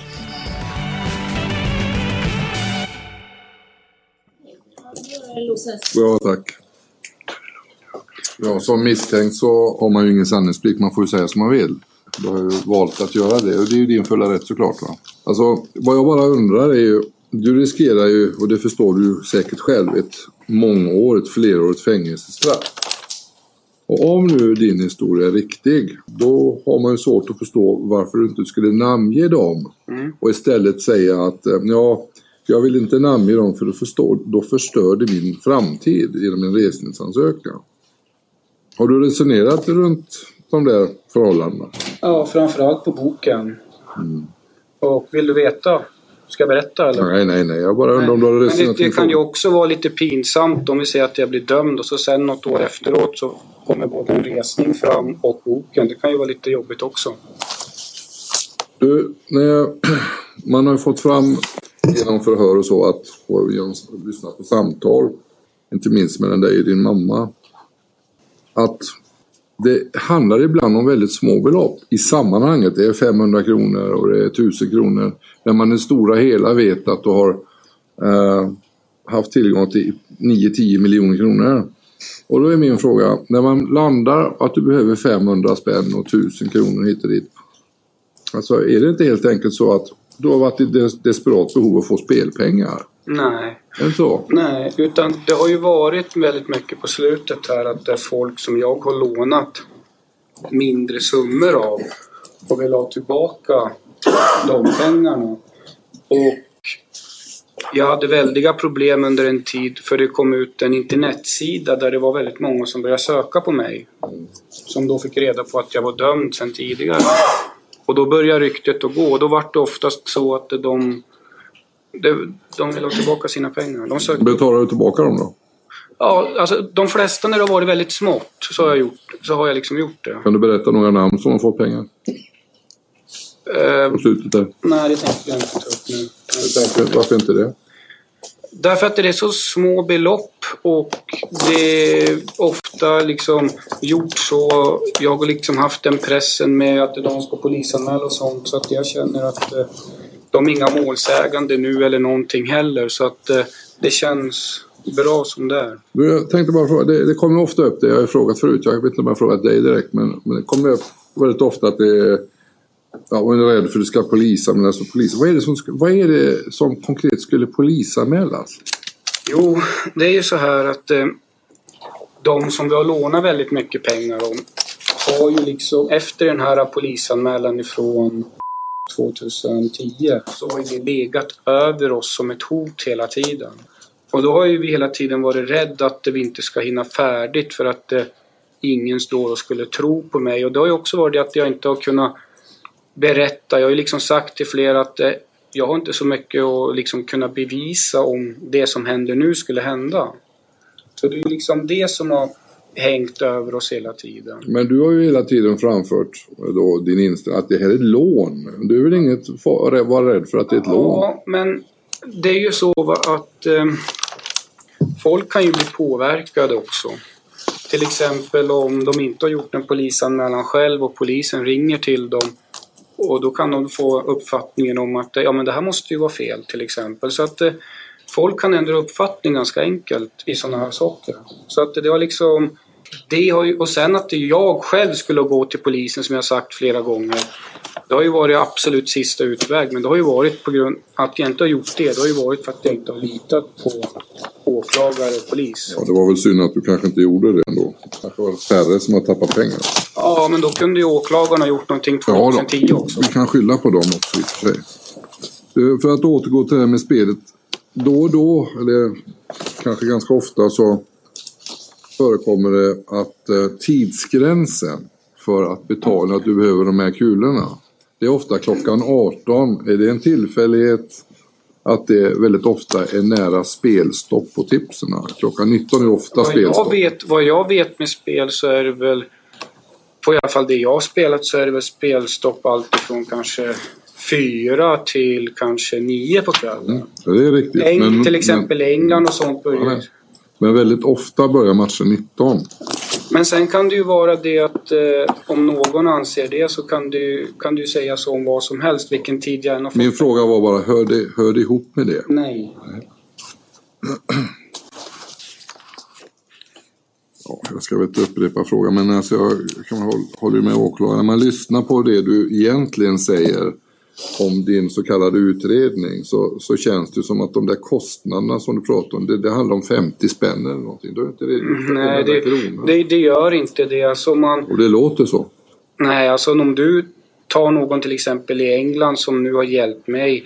Det kan vara 1000 eller 2000 pund i timman. För att göra, För att göra vissa utredningar. vad för då exempel? Säg en konkret utredning som skulle kosta 2000 pund i timmen som du då har betalat.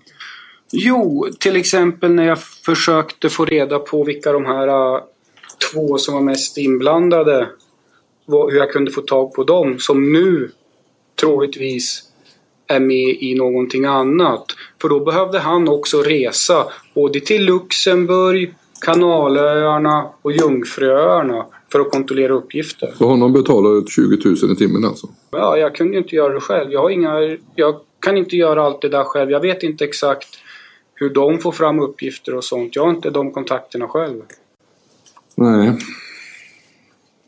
Ja tack. Jag hör inget.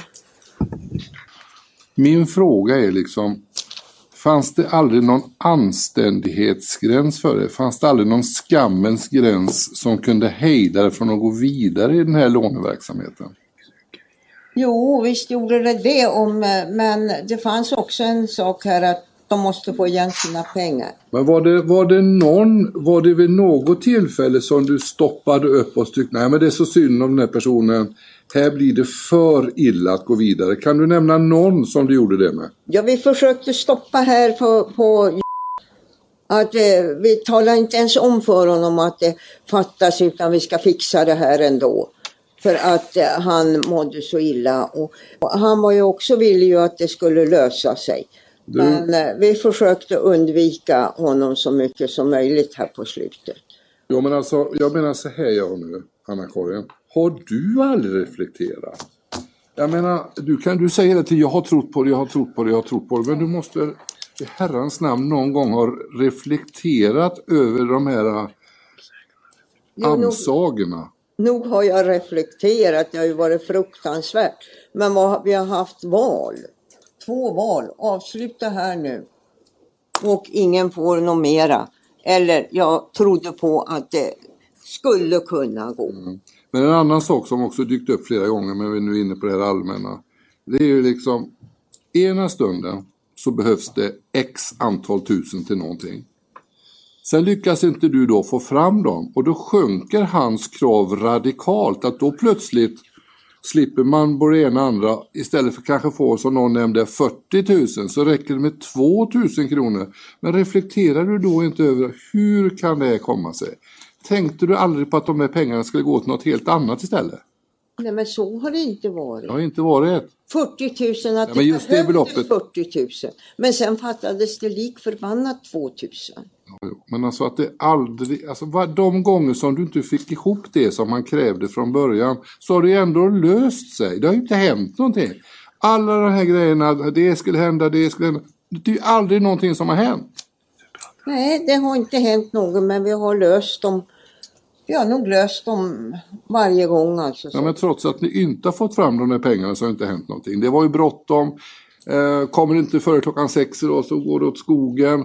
Sen, ja jag kan skjuta på det till imorgon och går det inte då så går, skjuter du på det till övermorgon. Någon gång måste du ändå ha tänkt på att det här är bara skitsnack på den svenska. De gånger det har skjutits på så har det alltid blivit någon eh, extra kostnad.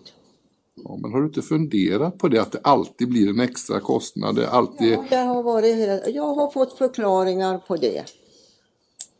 Och Det har jag förstått att du har Jag sagt. blev förbannad och tänkte att nu skiter vi det. Men jag har fått förklaringar till att det är så. Det är, det är liksom inte så konstigt om eh, många utav målsägarna är av uppfattning att du fullständigt har struntat i på ens en gång fundera på utan du har gjort som Per-Ulrik har sagt varje gång utan att tänka efter själv. Är det inte så då? Nej, Är det inte? nej det har varit allt för jobbigt. Jag har ju suttit det här att vi måste nu hade, ja det har det är klart man funderar på, man funderar ju på till drog iväg här nu ska, om man nu får skadestånd och sånt ska det räcka. De där sex miljonerna räckte ju, skulle ju inte räcka. Det, det. Och sen så nu är det ju lätt att säga, det stämde ingenting.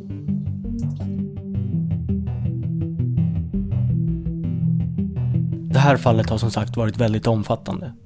Men jag har lyssnat igenom alla målsägandes berättelser och även Anna-Karin och Per-Ulriks motreaktioner på dessa och de har i stort sett kommit med samma metodiska bortförklaringar varje gång. Det har bara rört sig om lån, ingenting annat.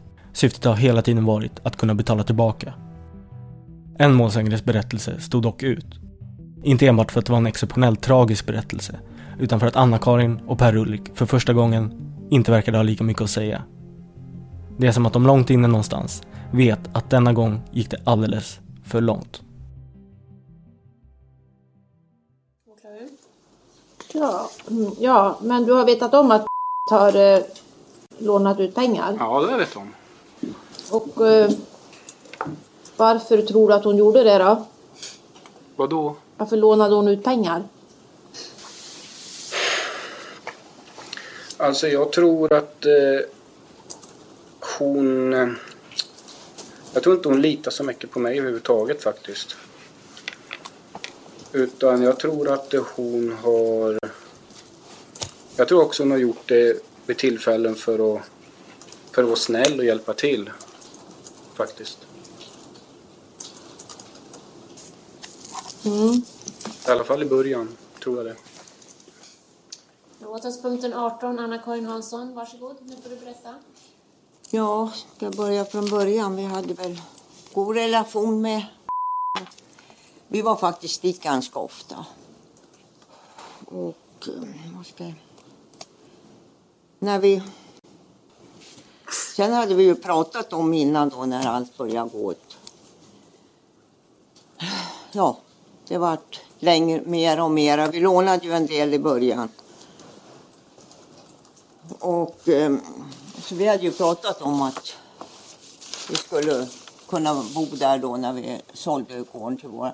Och det var, var ju meningen bara för en kort tid för att vi trodde ju allting skulle bli klart. Det har inte gått att sagt nej. Det har varit en mara. För att det, sen de flyttade dit så har inte jag haft någon bestämd...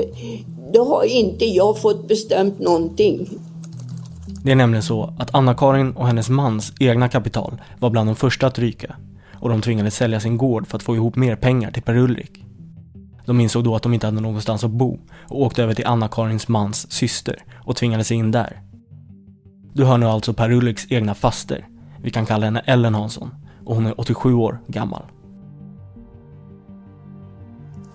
Ja, jag visste väl inte att de skulle komma. Utan de bara kom. Det visste inte jag att det var meningen att de skulle bo där för jämnan. Det, det visste jag inte. Nähä, trodde du att de skulle hälsa på först? Ja, de kom ju på nyårsafton och jag vet inte, jag hade ju inte hade någon reda på det. Nej. Eh, Ja, men, eh, men eh, innan de flyttade till dig, hade du lånat ut pengar innan de flyttade till dig? Ja, då, de kom ända från Ragunda. Och, och, och då skulle de skjutsa mig till stan och vi skulle fara på Nordea och ta ut pengar. Ja. Och det var ju bara... Ja, det var ju så när Anna-Karin kom så skulle, då skulle det ju vara så. Jaha. Det, och jag sa ju nej, nej i början. Men om hon, hon satte sig ju och tjatade. Och jag vart ju trött på det. Så till slut så gav jag ju med mig. Hur mycket pengar skulle de ha då och varför skulle de ha pengar? Ja, det var ju Per Ulrik som skulle ha pengar. Ja, och vad skulle, varför skulle han ha pengar då? Ja, det var ju och advokater som skulle ha mer och mer skyllde de på. Ja. Det räckte ju aldrig till. Och så kom de lite sent med pengarna. Så skulle läggas på ytterligare pengar. Och sen när fonder och allt var slut så skulle jag ju sätta till, ta pension med något då. Men, men eh, berätta lite mer om det då. Ja, jag, jag ville ju inte lämna ut någonting. Jag, jag skulle ju leva. Ja. Och så hade jag ju räkningar själv. Ja. Och de, då tog ju Anna-Karin på bestämde om dem och hur jag skulle betala. Och då var det ju Kronofogden som var i hälarna på mig på en gång. Det går ju inte att lämna räkningar än. Nej. Så du vet, det, det, det har ju varit ett helvete allt igenom. Det kan jag säga. Jag, jag trodde jag skulle ha en lugn ålderdom. Och jag sa just många gånger att eh, gör man så här mot gammalt folk, ja, vi, måste, vi måste hjälpas åt. Det var ju den, det svar jag fick. Hon var väl alltid tveksam att låna ut. Men eh, hon fattade ju väldigt bra i alla fall. Bara hon gav sig tid att lyssna. Men när hon väl hade lyssnat och förstod så, då så tyckte hon ju att vi skulle försöka hjälpa honom. Och jag, här på slutet det var ju, vart ju panik, allting.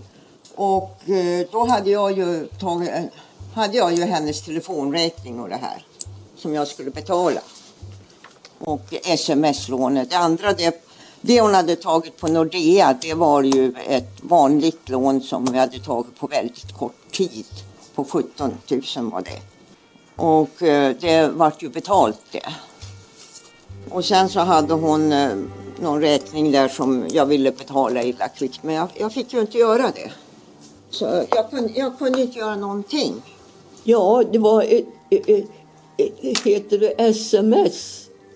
Ja, det finns någonting som heter sms-lån. Ja, jag har aldrig tagit något sånt. Utan jag visste ju inte ens vad det var.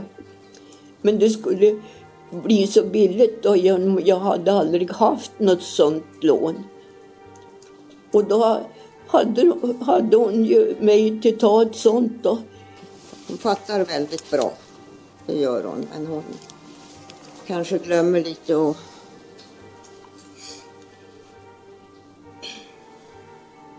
Ja.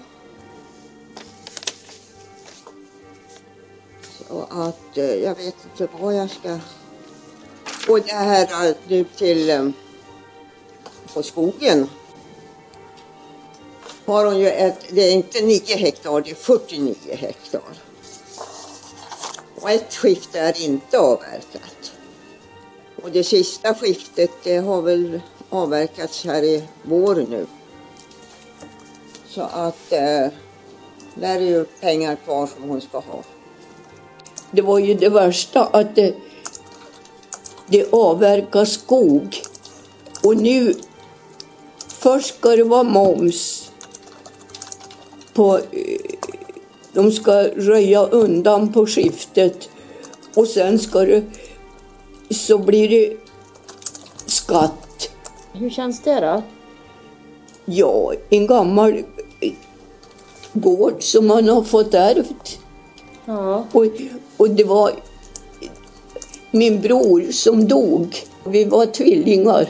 Ja. Och vi jobbade på gården år ut och in och renovera gården.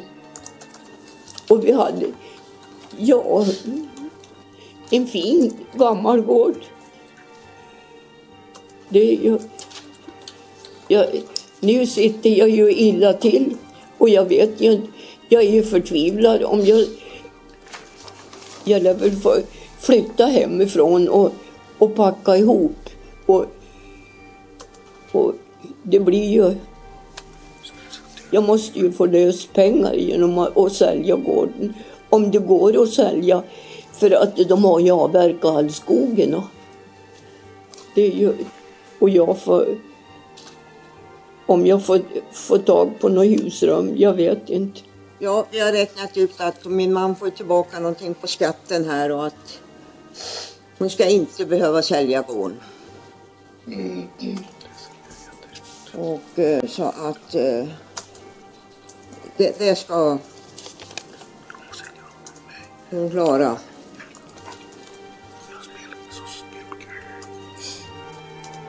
Det, det.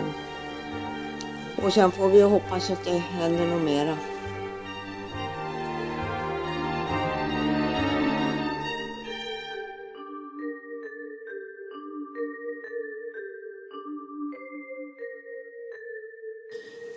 Ja, nu har det ju blivit ganska mycket pengar här som utlånat. Och eh, hade du någon tro att man skulle kunna betala tillbaka till henne? Ja. Hur då? då? Ja, det är ju framförallt så hade jag en tro att eh, det här med resning och allting skulle gå vägen, vilket ännu inte är... Alltså, där jag sitter och så nu kan jag inte göra så mycket åt den saken. Utan det är någonting jag får fortsätta sen. Och boken också. Det är de sakerna som jag har känt att det jag har kunnat göra någonting med.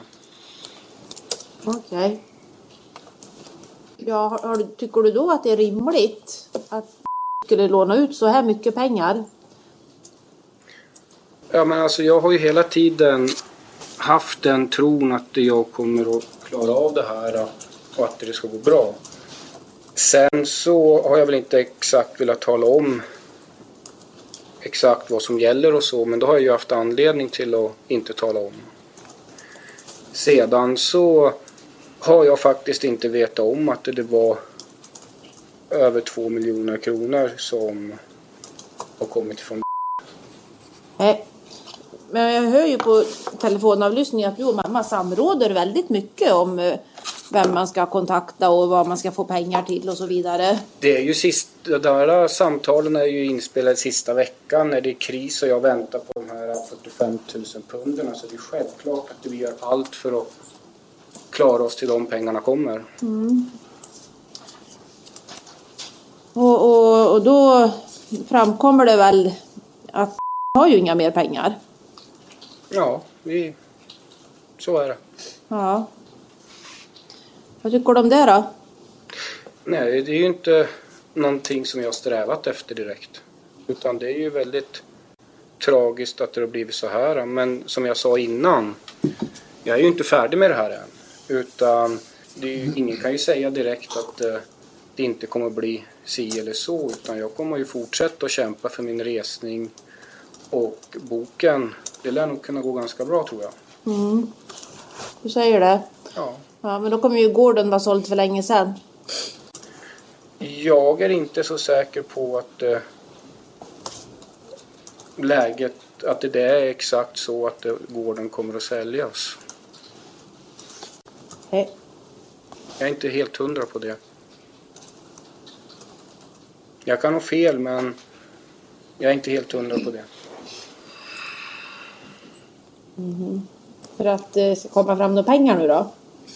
Nej men mycket hänger ju på hur lång tid allting tar för just där jag sitter nu och det, där jag är nu så kommer det ju inte fram några pengar. Okej. Jag Nej, har jag, restriktioner. ja, jag har inga fler frågor. Eh, Rolf Rose. Har du någonsin ägnat någon tanke åt dina offer och deras ekonomi? Alltså, om inte jag minns fel så vid något av de här samtalen här så diskuterar ju jag och mamma lite grann att det är vilka som ska få först och vilka som behöver snabbast etc. etc. Så det är självklart att jag har tänkt på det. Sen att det, om de är offer, det är ju ingenting som är bestämt ännu. Vi vet ju inte exakt vad som händer och jag har ju inte fått möjligheten att fullfölja allt ännu. Men du har ju hört nu att det, är- när du hörde eh, förhörerna med vad hon själv berättar. Det är ju en kvinna som hade flera miljoner i kan man säga, likvida medel. Inklusive sina fonder som idag kvarstår med skulder. Är det inget offer menar du eller? Alltså det jag menar det är det att eh, jag, min så att säga plan i det här och hela tiden varit att det jag ska försöka lösa det här. Då. Det är ju inte så att det jag har menat att jag ska ta alla de här pengarna och sen får ingen tillbaka någonting. Det har inte varit tanken. Ja, men du har ju tagit dem, eller hur? Tagit, jag har fått låna dem. Ja, tack. Jan-Åke Nyström. Jag tackar, inga frågor. Linda Holmqvist. Nej, inte har inga fler frågor tack. Mm. Avslutar du förhöret? Per Ulrik Hansson dömdes i tingsrätten till sju års fängelse för grovt bedrägeri vid 43 tillfällen. Anna-Karin Hansson dömdes till ett något lägre straff på grund av sin höga ålder till fyra år och sex månaders fängelse för grovt bedrägeri vid 33 tillfällen. De dömdes även till att betala ut stora summor i skadestånd till sina offer. Men Anna-Karin och Per-Ulrik har idag inga pengar överhuvudtaget. Per-Ulrik har dessutom ett skadestånd på 7 miljoner kronor att betala ut från den förra rättegången. Så de målsägande i denna rättegång kommer aldrig någonsin att kunna få tillbaka de pengar de lånat ut.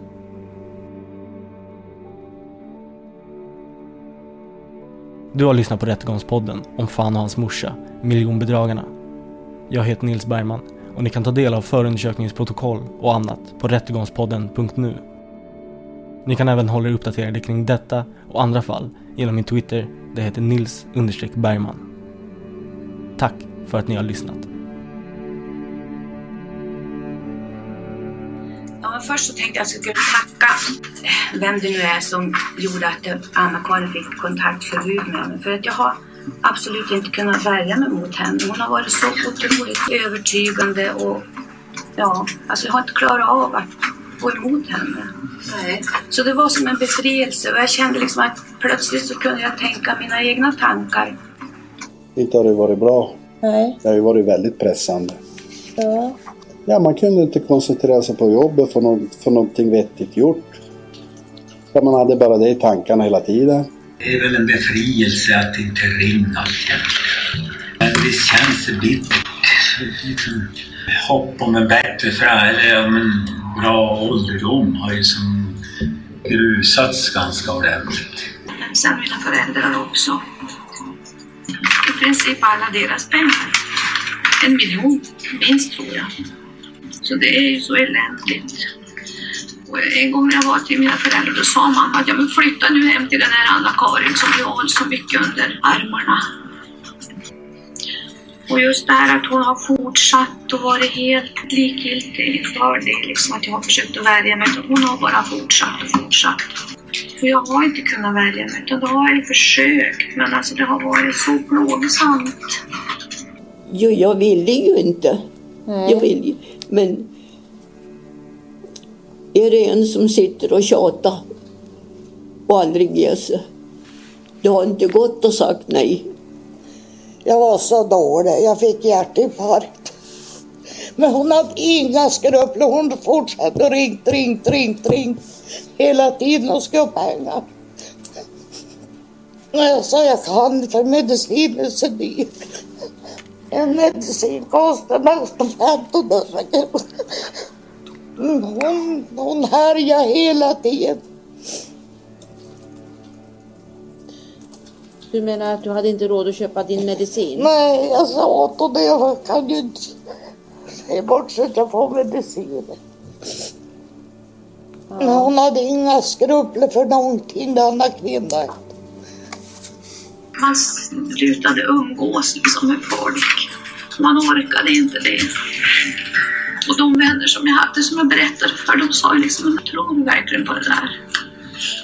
Och när, ja, det gjorde jag ju. Och sen så, jag inte vet, jag man gav upp dem på något vis. Jag känner mig som en bo, som att jag hade gjort dåligt, men det var ju Anna-Karin liksom, och Per liksom var dåliga. Men det är jag som har fått känna mig som en dålig människa. Och det känns ju bittert att bli lurad. Och att man är så jävla dum att man tror på sånt där. Det känns ja, skämmigt. Jag tycker det är otäckt. Jag förstår ju att folk pratar ju. Vi, jag hör ju att det, det är ju samma släkt. Man skäms ju. När man hör din berättelse så, så undrar man, men hur har detta gått till? Ja, det undrar jag också.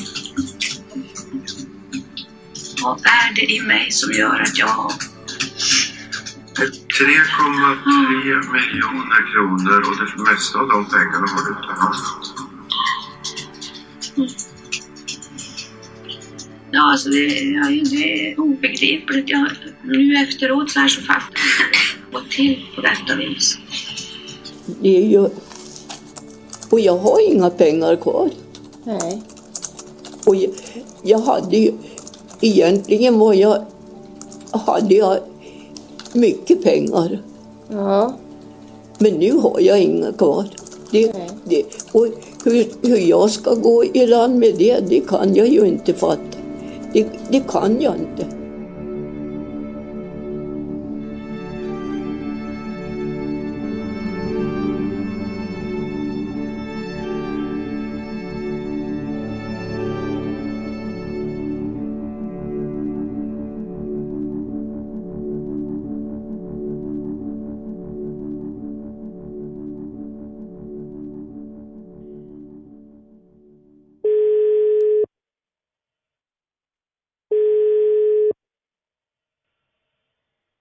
Hallå ja. Ja, hej. Hallå? Ja, jag stänger om den här. Jaha, du sitter och kollar. Har du hört någonting? Nej, jag, ja, det, jag får inte av den. Där. Eh, jag sitter och för, jag sitter bara på Antikrundan här för det är den sista Ja. nu så jag kan titta till slut. Ja, ja, men du har inte hört någonting? Så jag sitter och funderar och jag, försöker, jag tänkte, det, det är ta med fasen åtminstone på en tusenlapp av honom imorgon. Jag måste Ja, men de bråk om tusen, ja. Vi är ju körda på måndagen då, så, så det är ingen idé att göra. Ja, vad då då? På måndag? Men vi har inte...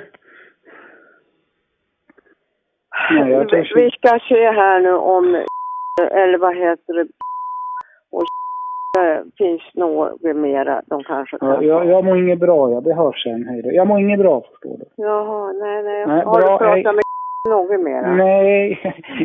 Jag mår inget bra, fattar du dåligt? God natt, god natt, god natt. Nej, inte godnatt. Hej då bara. Jag orkar inte. Du, Jaha, bra, vi hörs. Planning for your next trip? Elevate your travel style with Quince. Quince has all the jet setting essentials you'll want for your next getaway, like European linen, premium luggage options, buttery soft Italian leather bags, and so much more. And it's all priced at 50 to 80% less than similar brands. Plus, Quince only works with factories that use safe and ethical manufacturing practices. Pack your bags with high-quality essentials you'll be wearing for vacations to come with Quince. Go to quince.com slash trip for free shipping and 365-day returns. Hi, I'm Daniel, founder of Pretty Litter. Cats and cat owners deserve better than any old fashioned litter. That's why I teamed up with scientists and veterinarians to create Pretty Litter. Its innovative crystal formula has superior odor control and weighs up to 80% less than clay litter. Pretty Litter even monitors health by changing colors to help detect early signs of potential illness. It's the world's smartest kitty litter. Go to prettylitter.com and use code ACAST for 20% off your first order and a free cat toy. Terms and conditions apply. See site for details. Rättegångspodden är en Tall Tale produktion. Ansvarig utgivare är Jonas Häger. Och Rättegångspodden görs i samarbete med Lexbase. Ange rabattkoden Rättegångspodden när du blir ny betalande medlem på lexbase.se och få tre kostnadsfria domar.